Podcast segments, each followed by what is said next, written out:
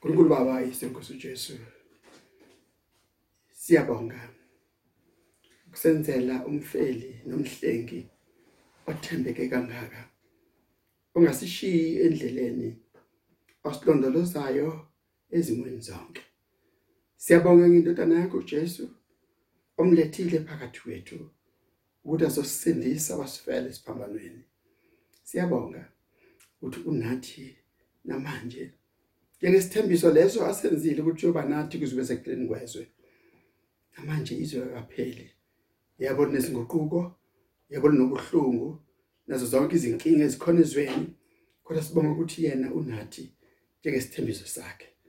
Sikala lenkonzo manje siyamema ukukhona bakho Jesu. Hlala phakathi kwethu. Siphe izwi lakho. Khuluma kithina usikhanyisele thina nabantwana bethu nemindeni yethu nezihlobo zethu zonke. Bazalwane bonke indawo abahleli kuzona ezingxakini ababhekene nazo. Ingxaki zempilo ingxaki zobumpofu ingxaki zendlala ingxaki zokugula nokugulelwa zonke siziletha kuwena. Sithi inkosi isusa lesi sifo phakathi kwesizwe esinsundu phakathi kwesizwe simpofu siphonse kude singabi phakathi kwethu. Ukuze abantu bethu abangenalutho bangaguli bangahlukumezeki. Kodwa naloko baqinise bachele ngegazi lakho bagome ngalo. Ukuze baphile indlebe zethu ziphe ukuzwa izwi lakho zilangazelele sifise kangaka ukuba khona izindlini zokukhonzela. Ngenxa yesimo esibhekene naso asikho semakhaya sikhonza sihlele emakhaya. Ibana labo ke abagulelwayo kakhulu sibabeka kuwena nabagulayo. Phakamise isandla sakho kubo ubaphulukise. Iba nabazali nezihlobo ezishiwe izihlobo zabo. Sibonile isibalo sabantu abahambayo kulelizwe lakithi siyakhuphuka kangaka. Sithi inkosi siyashweleza. Inkosi sihawukele. Inkosi lethu kuphila. Siphe kona chichime yiloko sitshele kona ezwini lakho. Wathi sikhethe phakathi kokufa nokuphila. Wathi siyaseluleka wena kuba sikhethe ukuphila. Yiloko esikufunayo wena namanje khetha ukuphila. Siphilise. Philisa isizwe sakithi. Philisa abantu bethu. Philisa abantu bethu noma bengekho ekhaya eSouth Africa bengaphandle emazweni abakuwona. Siyabathandazela baphilise. Abanye akusemnandi ukuhlala khona. Abanye bahlukumezeka ngezindlela zonke. Lokhu bengekho emakhaya abo Nkosi banabo babuyisele ekhaya labo bephilile. Sigcineke sibusise ngoChrist inkosi. Amen. Amen.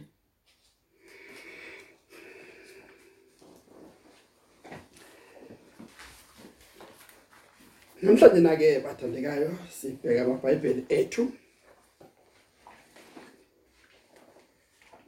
Evangeli ngoka Johani silibheka lapha yana esahlukweni seshumi elinanhlanu. Siqala endimeni yokuqala sime endimeni yeshumi elinanye. Evangeli lika Johani isahluko seshumi esinanhlanu. Siqala indima yokuqala sime kweshumi elinanye the gospel of John chapter 15 verse 1 to 11 Sesiyafunda ke Mina ngingumvini owona wona Ubaba ungumlimi. Ilelo nalelo gatsha elikimi elingatheli izithelo. Uyalisusa. Yilelo nalelo elithela izithelo. Uyalihlunga ukuba lithele kakhulu. Nina senihlanzekile. Ngezwi engilikhulume kinina. Hlalani kimi nami kini. Njengalokhu igatsha lingethele izithelo ngokwalo kepha uma lihleli uma lihlala emvinini kanjalo nani kuphela uma nihlala kimi. Mina ngingumvini nina ningamagatsha ohlala kimi nami kuye loyo othela izithelo eziningi. Ngokuba ngaphandle kwami ningenze lutho. Uma umuntu engahlali kimi ulahlwa ngaphandle njengegatsha abune bawabuthe bawaphonse emlilweni. Ashe uma nihlala kimi namazwi ami ehlala kini niyakucela enikuthandayo nikwenzelwe. Ubaba uyanitha ubaba uyakukhazimuliswa ngalokhu ukuba nithele izithelo eziningi nibe ngabafundi bami. Njengalokhu ubaba engithandile mina nami nginithandile. Hlalani othandweni lwami. Uma nigcina imiyalo yami niyakuhlala othandweni lwami njengalokhu nami nga nami ngigcina imiyalo kaBaba ngihlala othandweni lwakhe. Ngilitshelile lokhu ukuba ukuthokoza kwami kube kini nokuthokoza kwenu kugcwale. Izwi lakho simakade siyabonga kangaka ukukhuluma kwakho. Sibusiseke sigcwalise inkazimulo yakho. Amen. Amen. Kulamazwi ke kwangcwele sibheka nje lokhu uKristu asimbulele khona uKristu uzibiza ngesihlahla samagrebisi sihlahla somvini. Futhi akafuni ukungathekisa kube sengathi umvini ongaphelele isihlahla somgrebisi ongewona wona. Uthi yena umvini wangempela umvini owempela umvini owona wona. Uthi lokhu ukusho ngoba uyise ungumlimi. Uyena uyise otshale lo mvini bengeke enze iphutha atshale umvini oyifake. Cha ungumvini wangempela uyise umtshalile. Uveza ukuthi kukhona ukuxhumana phakathi komlimi olime insimu yamagrapes insimu yomvini kanye kanye nomvini omila khona. Uthi lo mlimi utshale isihlahla lesihlahla singuye uKristu. Uyaqhubeka uKristu uveza ukuthi kulesi sihlahla asiyona nje impunununu engenalutho. Uthi cha sinamagatsha. Uthi ibandla lakhe abazalwane bakhe bangamagatsha baxhume kuyena bamile kuyena.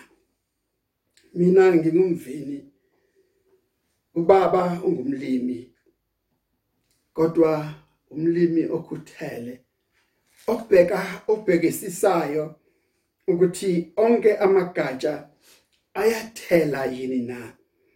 Uthi lelo nalelo elingatheli izithelo uyalikhipha uyalikhipha uyalisusa aliphonse emlilweni.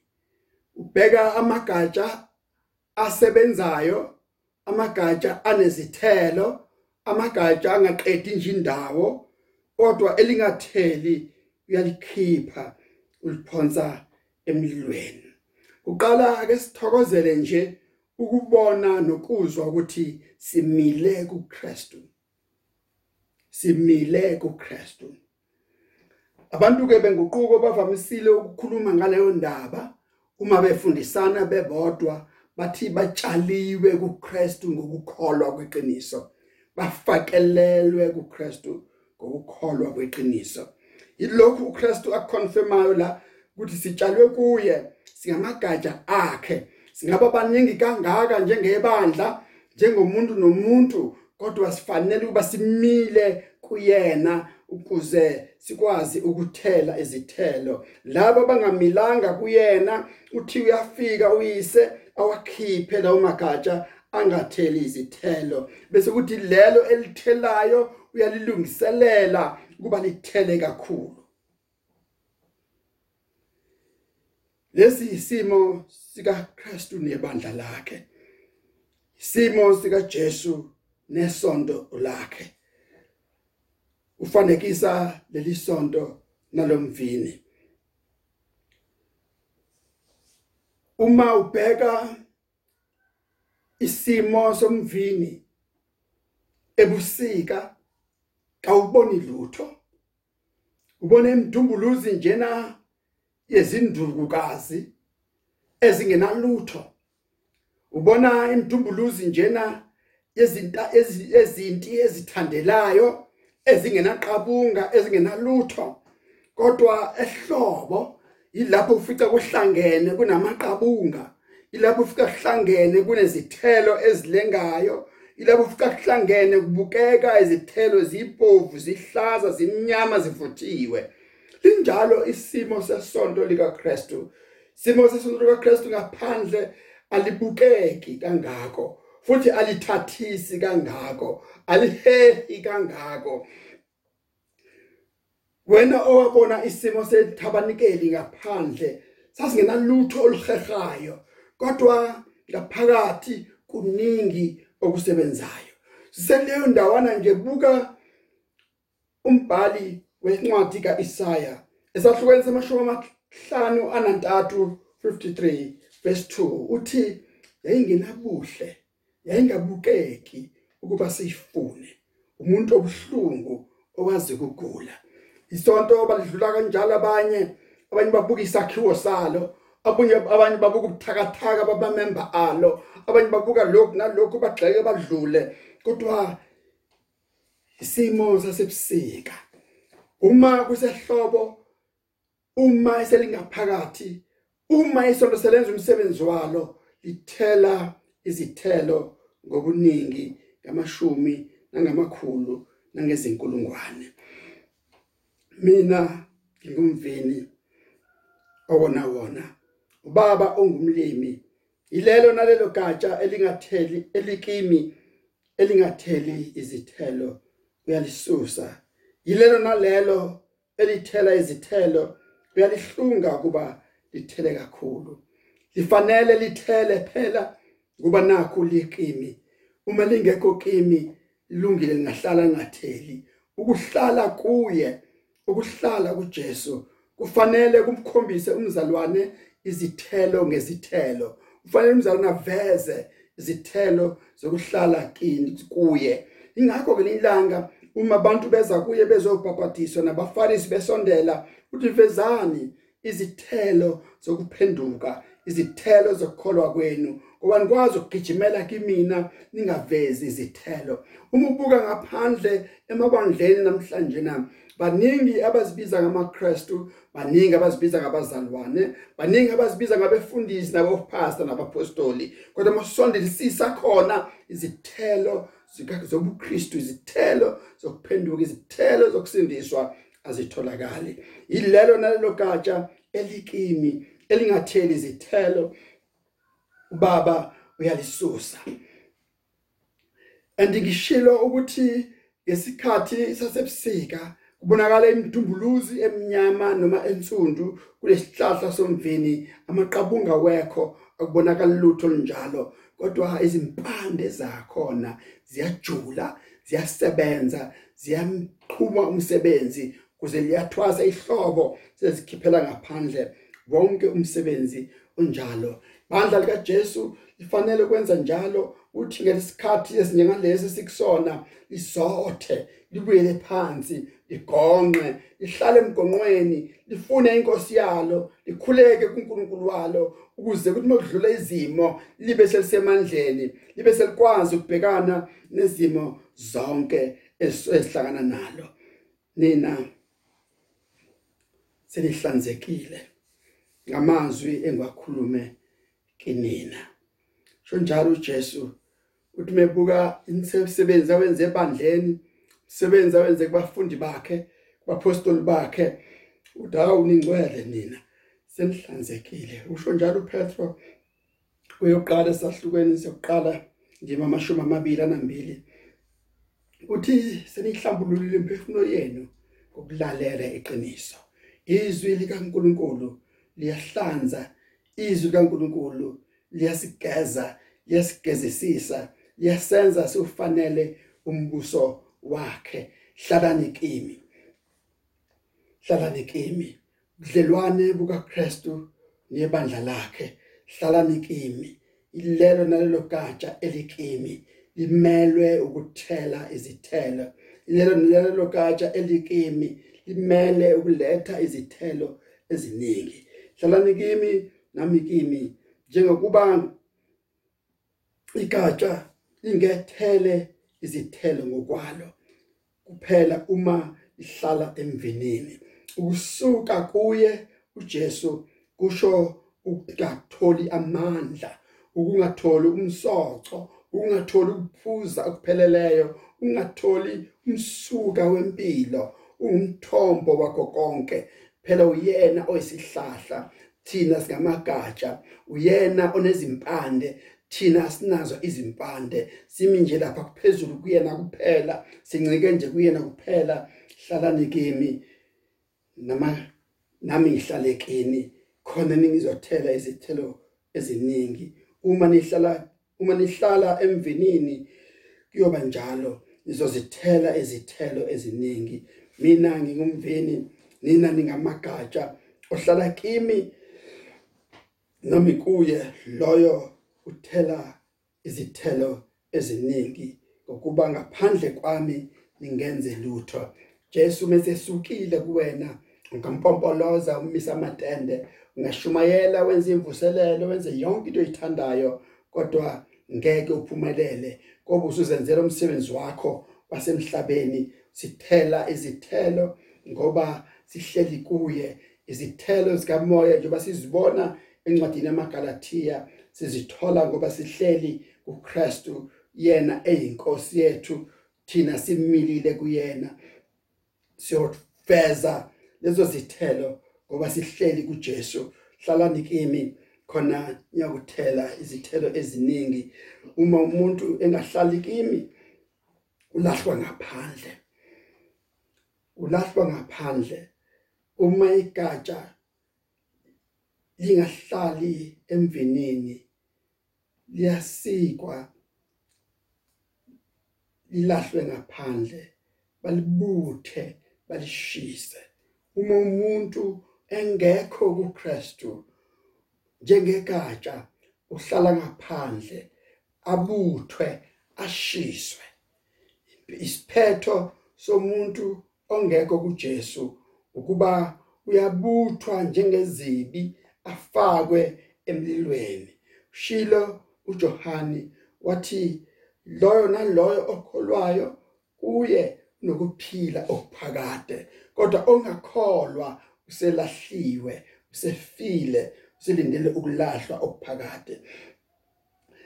Izwi likaNkuluNkulu likhuluma ngalokhu kithina likhuluma ngalokhu nakubafundi bakhe ukuthi uNkulunkulu uyathokoza uma sithela izithelo eziningi ubaba uyakhazumuliswa uma sihlala kuye. Uma singahlali ezintweni singahlali ezintweni eziphelayo singahlali ezintweni zesikhashana ezintweni ezidlulayo kodwa sihlala kuye.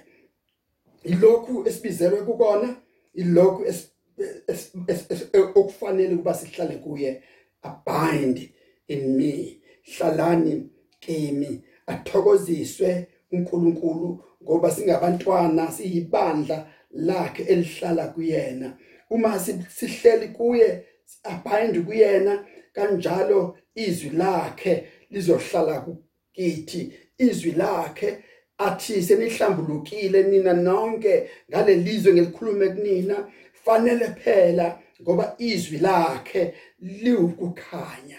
Izwi lakhe liyisibani izwi lakhe lisivula amehlo. Usho njalo uDavid kwiHubo 119 uverse 18 uthi vula amehlo ami kuba ngibone iqiniso. U105 lelo hubo uthi izwi lakho liyisibani ezinyaweni zami nokukhanya endleleni yami?